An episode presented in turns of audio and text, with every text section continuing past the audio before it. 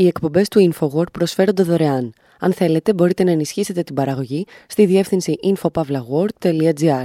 Η διεύθυνση infopavlagor.gr. Η εκπομπή InfoWord με τον Άρη Χατζηστεφάνου.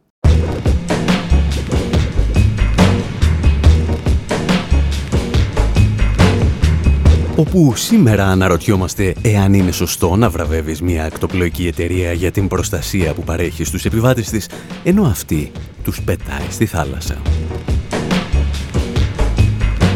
Παρακολουθούμε τη βιομηχανία παροχής βραβείων, τα οποία μπορείς είτε να αγοράσεις ή να περιμένεις να σου τα δώσουν. Αναρωτιόμαστε γιατί να βραβεύσει κάποιος τα εκπαιδευτήρια ελληνική αγωγή του Άδωνη Γεωργιάδη και απαντάμε γιατί πλήρωσε σε πολλές κατηγορίες. Και ύστερα συζητάμε και πάλι για πλημμύρες και καταστροφές που έρχονται από τη φύση, αλλά δεν έχουν τίποτα το φυσικό. Η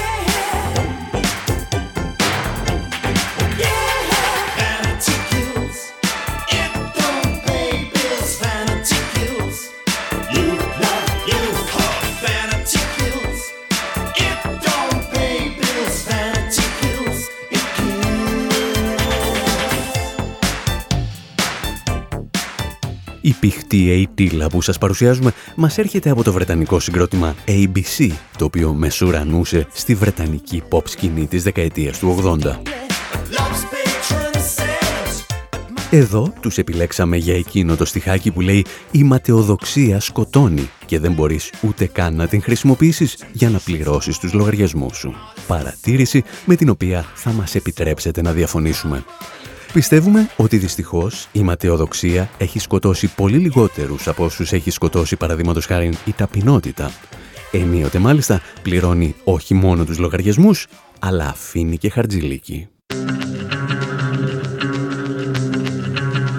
Παρ' όλα αυτά, προς τιμήν τους όλες οι θρησκείες καταδικάζουν την ματαιοδοξία, την οποία οι χριστιανοί εντάσσουν και στα επτά θανάσιμα αμαρτήματα. Όπως θα θυμάστε και από την ταινία Seven.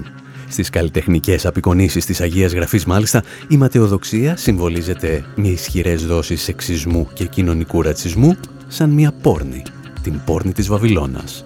Βαβυλών η μεγάλη, η μήτυρ των πορνών και των βδέλιγμάτων της γης.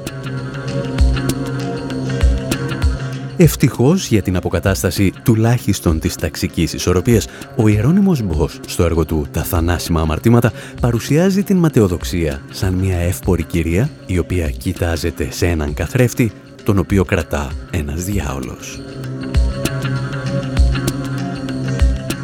Σε ό,τι μας αφορά σήμερα πάντως, ο όρος vanity, από το λατινικό vanitas, μας έδωσε τα τελευταία χρόνια τα περίφημα Vanity Awards, τα βραβεία της ματαιοδοξίας. Και για να σας το εξηγήσουμε καλύτερα, θα σας διηγηθούμε μια ιστορία από το βιβλίο μας «Προπαγάνδα και παραπληροφόρηση». Hello, and thank you for taking a moment from your busy schedule to watch this video regarding eligibility for 2023 Το διαφημιστικό μήνυμα προέρχεται από την οργάνωση Lawyers of Distinction, η οποία κάθε χρόνο παρουσιάζει μία λίστα με το 10% των καλύτερων δικηγόρων στις Ηνωμένες Πολιτείες. Εάν μπει στη λίστα, λαμβάνεις και μια τιμητική πλακέτα, αλλά και τα σχετικά banners, τα οποία μπορείς να τοποθετήσεις στην ιστοσελίδα σου. Το 2017 στη λίστα είδαμε ονόματα όπως τον Ρούστικους Φίσερ και της Λούσι Ντέιβις, ενώ ένα χρόνο αργότερα το σχετικό βραβείο απονεμήθηκε και στον Dippy the Chicken. Το πρόβλημα ήταν ότι ο Φίσερ και η Ντέιβις είναι σκυλάκια και ο Ζίγκη ήταν ένα κοτοπουλάκι ηλικίας τριών μηνών. Γιατί για να βραβευτείς από τους Lawyers of Distinction αρκεί να συμπληρώσεις μία αίτηση και να πληρώσεις 475 δολάρια. Αν μάλιστα δώσεις 775 δολάρια, λαμβάνεις και ένα κρυστάλλινο βραβείο ύψους 25 εκατοστών για να τοποθετήσεις στο γραφείο σου. Κάποιοι λοιπόν πλήρωσαν την εγγραφή και έτσι τα σκυλάκια τους και τα κοτοπουλάκια τους συμπεριλαμβάνονται πλέον ανάμεσα στους καλύτερους δικηγόρους των Ηνωμένων Πολιτειών.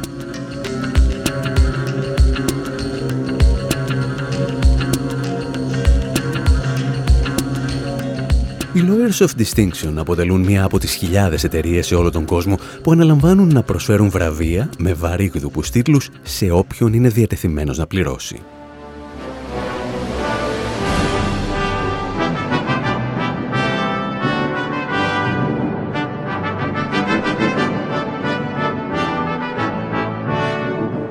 Η συγκεκριμένη πρακτική έχει τις ρίζες της στη Βικτοριανή εποχή, όταν σημείωνε τρομακτική επιτυχία η έκδοση Who is Who, η οποία περιλάμβανε βιογραφικά στοιχεία για τα πιο προβεβλημένα στοιχεία της Βρετανικής κοινωνίας. Διάφοροι επιτίδιοι όμως άρχισαν να δημοσιεύουν δικούς τους καταλόγους, οι οποίοι εκτός από τα μέλη της αριστοκρατίας κατέγραφαν και όσους πλήρωναν το σχετικό αντίτιμο η αριστοκρατία είχε μόλις δεχθεί μία από τις μεγαλύτερες ήττες της και η καπιταλιστική αριστεία έρχονταν σιγά αλλά δυναμικά στο προσκήνιο.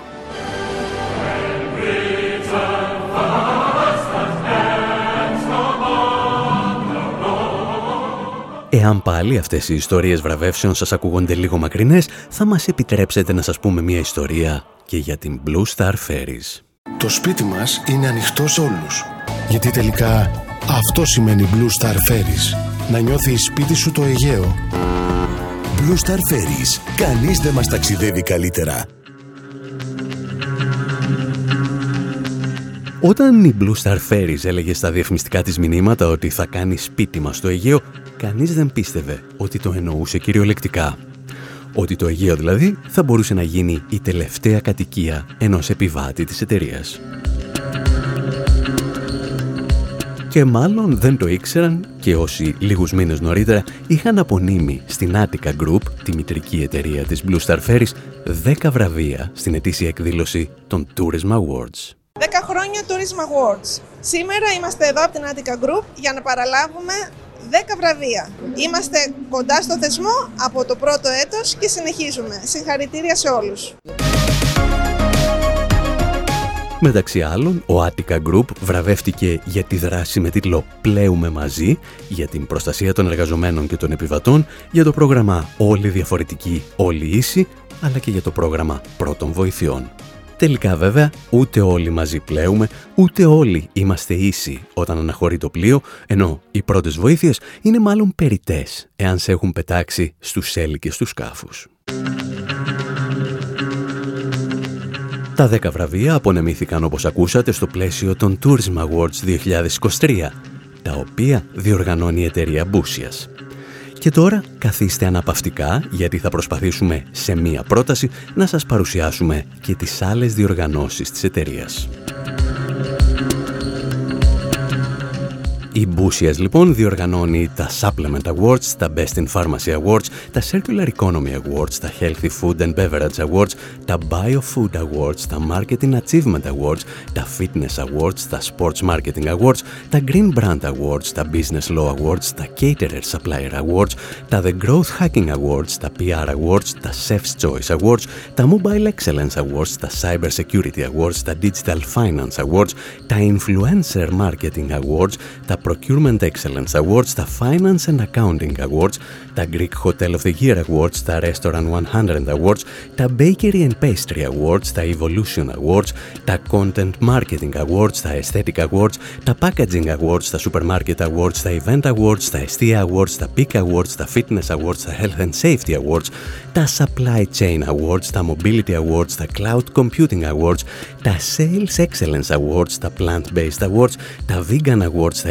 Education Leader Awards, τα Future Ready Business Awards, τα Digital Media Awards, τα Mother and Baby Awards, τα Hellenic Responsible Business Awards, τα Medical Beauty Awards, τα Diversity and Inclusion Awards, τα HR Awards, τα UX CX Awards, τα Social Media Awards, τα Healthcare Business Awards, τα Compliance Awards, τα Dairy Innovation Awards, τα Frozen Food Innovation Awards και τα Meat Innovation Awards. Βαρεθήκατε; Γιατί έχουμε άλλα 27 τα οποία από σεβασμό στο μέσο που λέγεται ραδιόφωνο λέμε να μην σας τα παρουσιάσουμε σε αυτή την εκπομπή.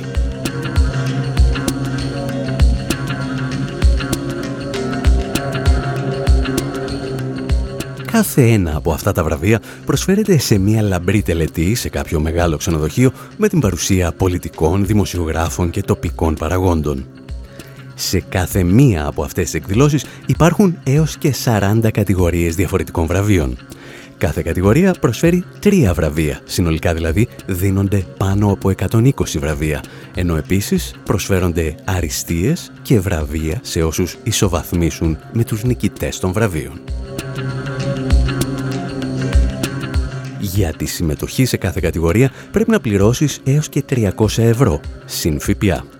Όπως διαβάζουμε όμως, αν θέλεις να συμμετάσχεις σε περισσότερες από 21 κατηγορίες, σου κάνουν έκπτωση στα 180 ευρώ ανά υποψηφιότητα. Όπως καταλαβαίνετε, στην Ελλάδα της αριστείας, το να καταφέρεις να μην βραβευτείς σε ένα τέτοιο διαγωνισμό απαιτεί τιτάνια προσπάθεια και αντοχές ψυχής και πνεύματος που δύσκολα συναντά σε ανθρώπινα όντα. Θα σε βραβεύσουν ακόμη και αν είσαι ακτοπλοϊκή εταιρεία που πετά τους επιβάτες της στα απόνερα των πλοίων και ύστερα αναχωρεί από το λιμάνι σαν να μην συνέβη τίποτα. Και τώρα βγάλτε χαρτί, μολύβι και ένα ναύακα. Σας παρουσιάσαμε 50 εκδηλώσεις και σας χρωστάμε κάμια τριανταριά ακόμα. Σε κάθε μία από αυτές τις εκδηλώσεις μπορεί να δίνονται ακόμη και 120 βραβεία. Για τη συμμετοχή σε κάθε κατηγορία πρέπει να δώσεις έως και 300 ευρώ. Και το ερώτημα είναι πόσα εκατομμύρια ευρώ συλλέγει κάθε χρόνο η εταιρεία που διοργανώνει τις βραβεύσεις; Όσο εσείς κάνετε τις πράξεις, εμείς θα ακούμε αυτό. I'm too sexy for my love, too sexy for my love, love's going to leave me.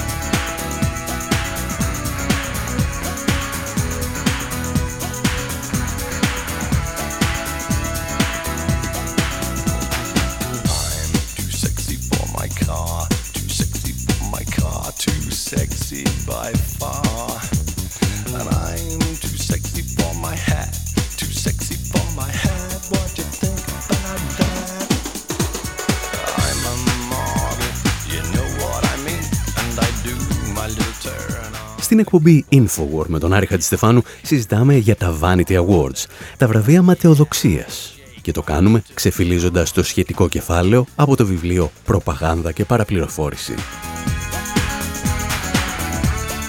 Είδαμε ότι αν συμμετάσχει σε ένα διαγωνισμό ματαιοδοξίας είναι σχεδόν αδύνατο να μην βραβευτείς. Και αν βραβευτείς, όλοι οι δρόμοι ανοίγουν μπροστά σου.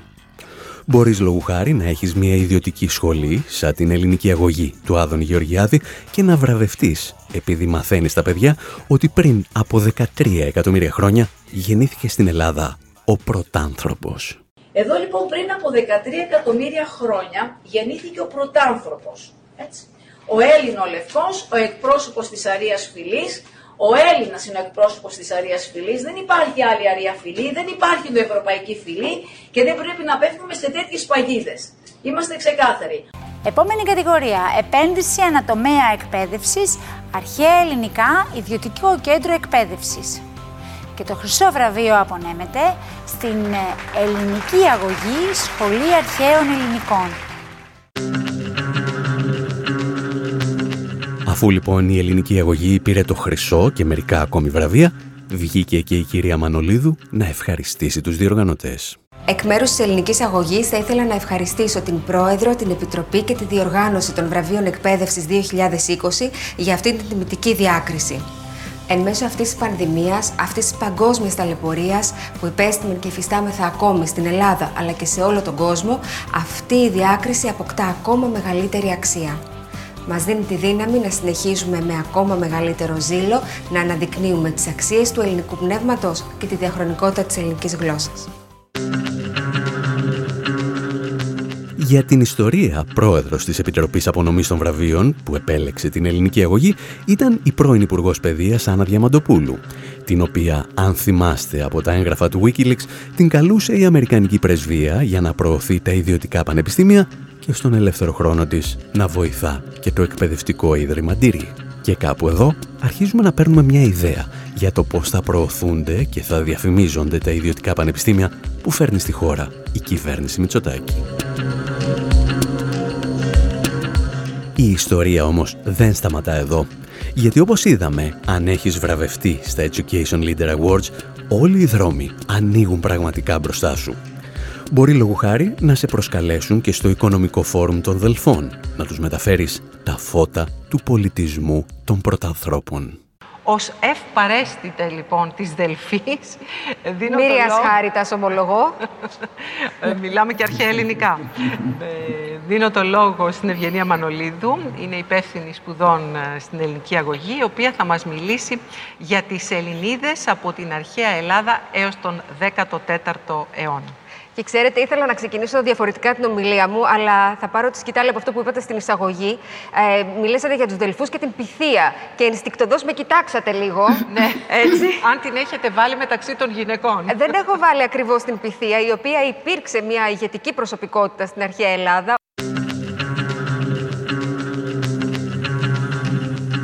Για να επανέλθουμε λοιπόν στο αρχικό ερώτημα της εκπομπής, δηλαδή εάν η ματαιοδοξία σκοτώνει και αν πληρώνει τους λογαριασμούς, η απάντηση είναι η ματαιοδοξία δεν σκότωσε ποτέ κανέναν και πλήρωσε τα νίκια αρκετών πολιτικών απαταιώνων και όχι μόνο. Εσείς πάλι μένετε εδώ, γιατί ύστερα από ένα μικρό διάλειμμα βλέπουμε τι μπορεί να συμβεί εάν τέτοιου είδους πολιτικοί απαταιώνες λάβουν θέσεις κλειδιά στον κρατικό μηχανισμό εν μέσω μιας κλιματικής κρίσης. Οι εκπομπές του InfoWord προσφέρονται δωρεάν. Αν θέλετε, μπορείτε να ενισχύσετε την παραγωγή στη διεύθυνση infopavlagor.gr.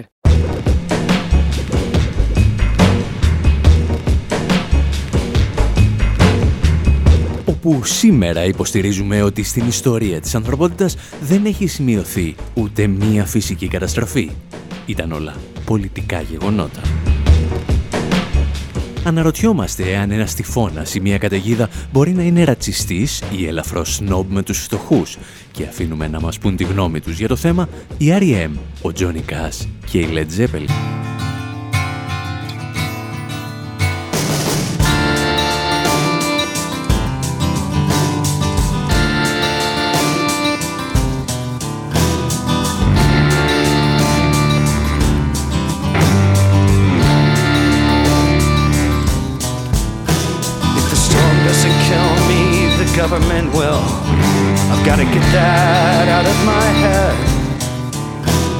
A new day today and the coffee is strong. I finally got some rest. So a man's put to task and challenges. I was taught to hold my head high. Let what is mine make the best of what today has. Houston is filled with promise. Laredo's a beautiful place. And Galveston sings like that song that I love. Its meaning has not been erased.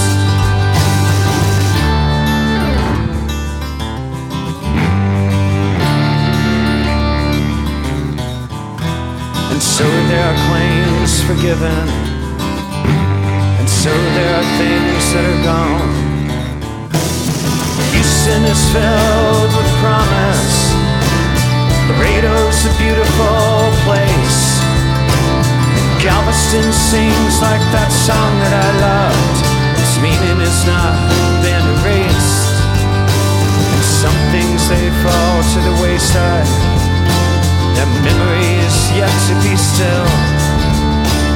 Belief has not failed me. Οι R.E.M. τραγουδούν για τον τυφώνα Κατρίνα στη Νέα Ορλεάνη και οι παλαιότεροι ακροατές θα θυμάστε ότι αυτό το τραγούδι το παίζουμε πάντα όταν βρέχει. Όταν βρέχει πολύ. Και το κάνουμε φυσικά για εκείνο το στίχο που λέει «Εάν δεν με σκοτώσει η καταιγίδα, θα με σκοτώσει η κυβέρνηση». Το συγκεκριμένο τραγούδι θα μπορούσε να αποτελεί τον άτυπο ύμνο ενός διεπιστημονικού τομέα ερευνών που άρχισε να αναπτύσσεται στα μέσα της δεκαετίας του 70 και σήμερα ακούει στο όνομα Critical Disaster Studies, κριτικές μελέτες καταστροφών. Πιο απλά και μάλλον ελαφρώς απλουστευτικά, πριν από μισό αιώνα μαζεύτηκαν κάτι γεωλόγοι, μερικοί μετεωρολόγοι, ανθρωπολόγοι, κοινωνιολόγοι και ιστορικοί και κατέληξαν σε ένα απλό συμπέρασμα δεν υπάρχουν φυσικές καταστροφές. Ποτέ δεν υπήρξαν. Όπως εξηγούσε πριν από μερικά χρόνια ο ιστορικός Jacob Rims, μια καταστροφή που προκαλείται από ένα καιρικό φαινόμενο ή ένα σεισμό δεν μπορεί να είναι ποτέ φυσική. Είναι πάντα ένα πολιτικό γεγονός. Disaster and disaster relief οι καταστροφές και η αντιμετώπιση τους είναι αναγκαστικά πολιτικές. Σχετίζονται με τη διανομή των ανεπαρκών πόρων και με την εξουσία να αποφασίζεις πώς θα μοιραστούν οι πόροι αυτοί. Είναι λοιπόν αδιαφεσβήτητο ότι η προετοιμασία για την αντιμετώπιση των καταστροφών και η αντιμετώπιση τους θα είναι πολιτικές διαδικασίες.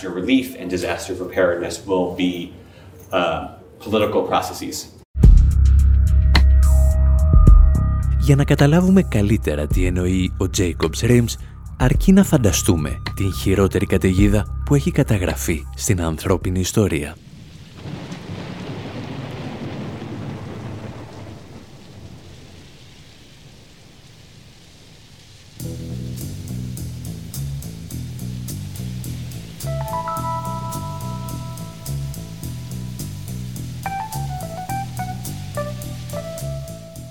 Καταιγίδα της ιστορίας μας σημειωθεί σε μια ερημική, ακατοίκητη περιοχή του πλανήτη, αποτελεί απλώς ένα φυσικό φαινόμενο.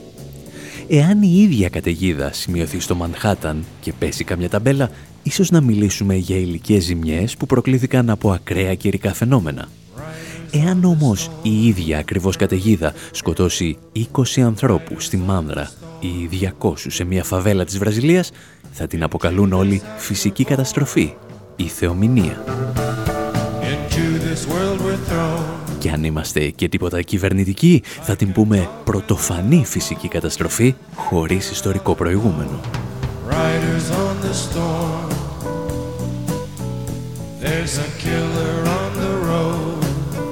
Ένα φυσικό φαινόμενο λοιπόν είναι ένα φυσικό φαινόμενο. Η καταστροφή προκύπτει όταν αυτό το φαινόμενο συναντήσει έναν πληθυσμό ανθρώπων και το αν θα αποτελέσει καταστροφή και πόσο μεγάλη θα είναι αυτή εξαρτάται από τρεις παράγοντες. Πόσο καλά προετοιμασμένοι ήταν οι άνθρωποι, πόσο έτοιμος ήταν ο κρατικός μηχανισμός να σώσει αυτούς που δεν ήταν καλά προετοιμασμένοι και τρίτον, με ποιο τρόπο θα ανοικοδομηθεί η περιοχή στην οποία σημειώθηκε η καταστροφή. Επειδή όμως η υπόθεση σηκώνει τσιγάρο, σκεφτήκαμε να αναλύσουμε λίγο όλες αυτές τις βαρύγδουπες θεωρίες με μερικά τραγούδια. Και δίνουμε πρώτα το λόγο στον Αμερικανό ράπερ Lil Wayne από τη Νέα Ορλεάνη. Right here is dedicated to the President of the United States of America. Yeah, y'all might know him as George Bush, but where I'm from, Lost City of New Orleans, we call him this. Georgia. That's right. Georgia. Bush. Georgia. You know who you are. Georgia. Let's go. Georgia. Bush. Georgia. Bush. Georgia. That's what we call you. Gangsta Brazil, nah, this song dedicated to the one with the suit. Thick white skin and his eyes bright blue. So called beef with you know who. Fuck it, he just let him kill all our troops. Look at all the bullshit we been through. Had a nigga sitting on top their roofs. Hurricane Katrina, we should've called it Hurricane Georgia. Bush. Then they telling y'all lies on the news. The white people smiling like everything cool. But I know people that died in that pool. I know people that died in them schools.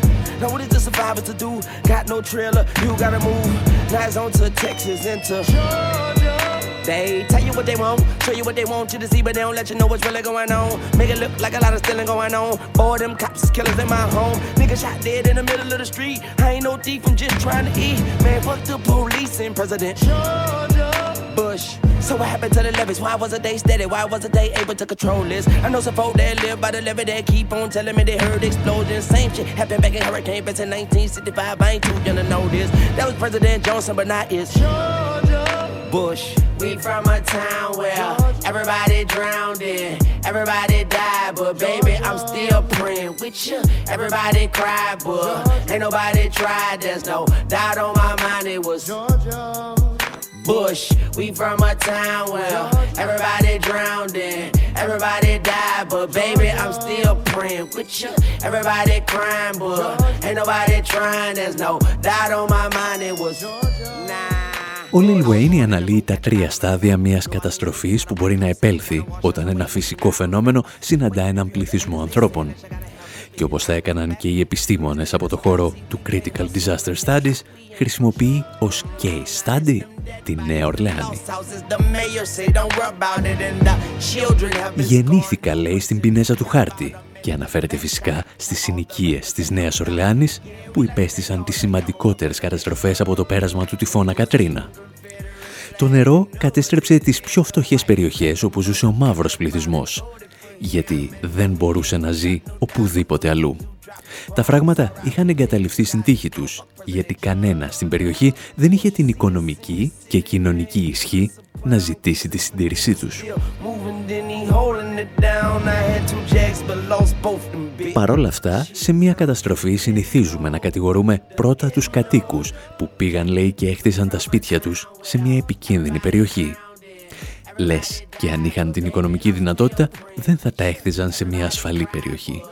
Το να κατηγορήσει έναν φτωχό επειδή ζει σε ένα επικίνδυνο σπίτι, έλεγε πριν από μερικά χρόνια ο Τζέικοπ Ρίμς, είναι σαν να κατηγορείς μια γυναίκα επειδή την κακοποιεί ο σύντροφός της, ενώ αυτή για οικονομικούς και κοινωνικούς λόγους δεν μπορεί να τον εγκαταλείψει.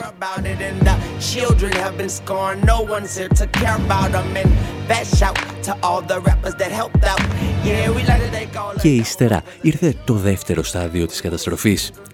Η διαφυγή και η διάσωση. Τα μεσαία στρώματα των πληγέντων στη Νέα Ορλεάνη εγκατέλειψαν έγκαιρα την πόλη με αυτοκίνητα και αεροπλάνα. Οι πιο φτωχοί μαύροι, μας τραγούδισε ο Λιλ Βέινι, απλώς ανέβηκαν στις ταράτσες των σπιτιών τους.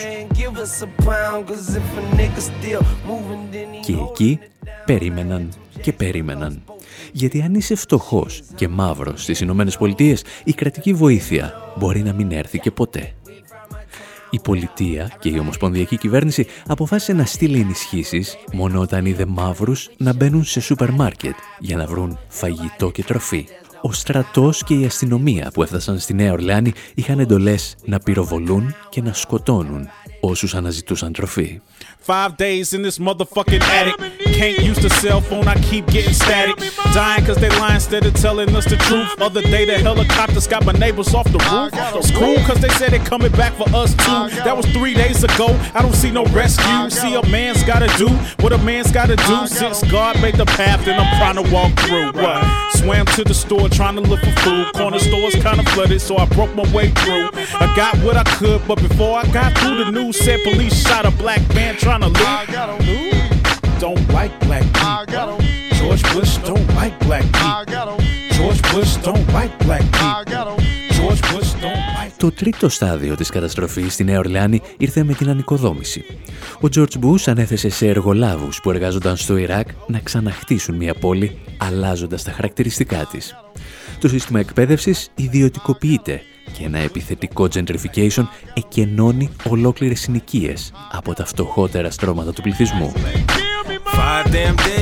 Σε αυτή την καταστροφή δεν υπήρχε τίποτα φυσικό.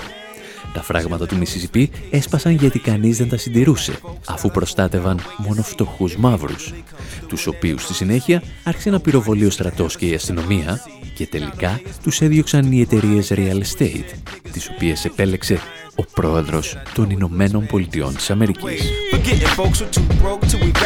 Σε όλο αυτό το προμελετημένο έγκλημα, η φύση ήταν σχεδόν αμέτωχη. Και επειδή οι Ηνωμένες Πολιτείες είναι η καλύτερη χώρα για τη μελέτη προμελετημένων εγκλημάτων, σκεφτήκαμε να πάμε και λίγο πιο πίσω για να ακούσουμε ιστορίες από μια άλλη πλημμύρα. How high is the water, mama? Two feet high and rising. How high is the water, papa? She said it's two feet high and rising. Well, we can make it to the road in a homemade boat, cause that's the only thing we got left that'll float. It's already over all the wheat and oats, two feet high and rising. How high's the water, mama? Three feet high and rising. How high's the water, Papa? She said it's three feet high and rising. Well, the hives are gone, I lost my bees. Chickens are sleeping in the willow trees. Cows in water up past her knees, three feet high and rising. How high's the water, Mama? Four feet high and rising. How high's the water, Papa? She said it's four feet high and rising. Hey, come look through the window pane. The bus is coming, gonna take us to the train.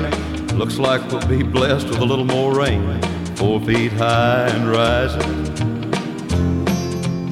Ο Τζόνι Κάς τραγουδά για την υπερχείληση ενός ποταμού που συμπαρασύρει τα πάντα στο πέρασμά του. Ο Κάς θα γεννηθεί το 1932 όταν η χρηματοπιστωτική κρίση της Wall Street και η μεγαλύτερη ύφεση της δεκαετίας του 30 έχουν σμπαραλιάσει τις βεβαιότητες του οικονομικού συστήματος. Σε ηλικία 5 ετών δουλεύει σε βαμβακοκαλλιέργειες από το πρωί μέχρι το βράδυ. Ακούει γκόσπελ ύμνους και τραγουδάει στα χωράφια μαζί με τους απόκληρους του Αμερικανικού ονείρου. Και όταν το 1937 οι πλημμύρες σαρώνουν τα πάντα στις μεσοδυτικές πολιτείες και συγκεκριμένα στο Αρκάνσας, αυτός ρωτά «Μαμά, πόσο ψηλά έχει φτάσει το νερό» και εκείνη του απαντούσε «1,5 μέτρο και ανεβαίνει». Ο Τζόνι Κας ξεκινά να διηγείται ιστορίες από τη Μεγάλη Ύφεση, ό,τι κάνει δηλαδή την ίδια εποχή ο συγγραφέας Τζον Στάινμπεκ με τα Σταφύλια της Οργής και ο Woody Guthrie με τα Dust Bowl Blues, τα blues της Κόνης.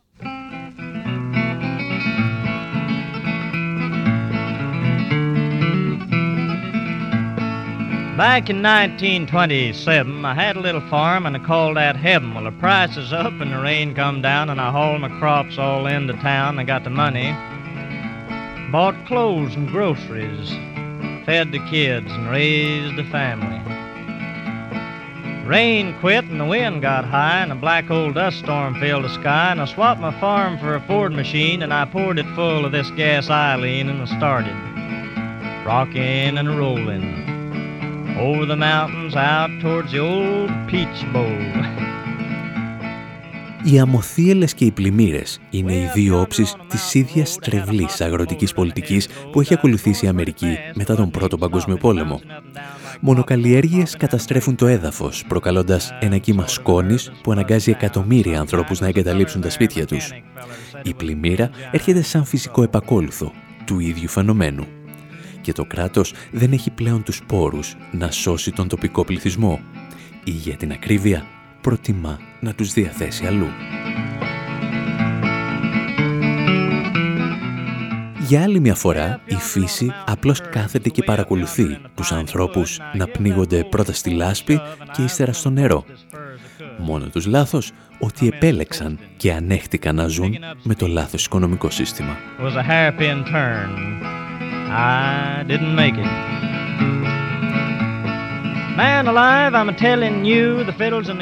Την επόμενη φορά λοιπόν που θα ακούσετε να μιλάνε για φυσικές καταστροφές, να τους πείτε ότι δεν υπάρχει τίποτα φυσικό σε μια καταστροφή. Δεν υπάρχει τίποτα φυσικό στο ότι τα περισσότερα θύματα των καταστροφών σε όλο τον πλανήτη είναι συνήθως φτωχοί και μέλη εθνικών και φιλετικών μειονοτήτων. Ένας τυφώνας ή ένας σεισμός δεν μπορεί να είναι ρατσιστής ή να μισεί τους φτωχούς. Κάποιος άλλος τους μισεί και τους άφησε εκτεθειμένους στη διαδρομή αυτών των φυσικών φαινομένων. Ιστορίες και σκέψεις για τις οποίες μπορείτε να διαβάσετε περισσότερα στο site μας info.pavlawar.gr Εμείς πάλι λέμε να σας αφήσουμε και για αυτή την εβδομάδα. Από τον Άρη Στεφάνου στο μικρόφωνο και τον Δημήτρη Σαθόπουλο στην τεχνική επιμέλεια, γεια σας και χαρά σας.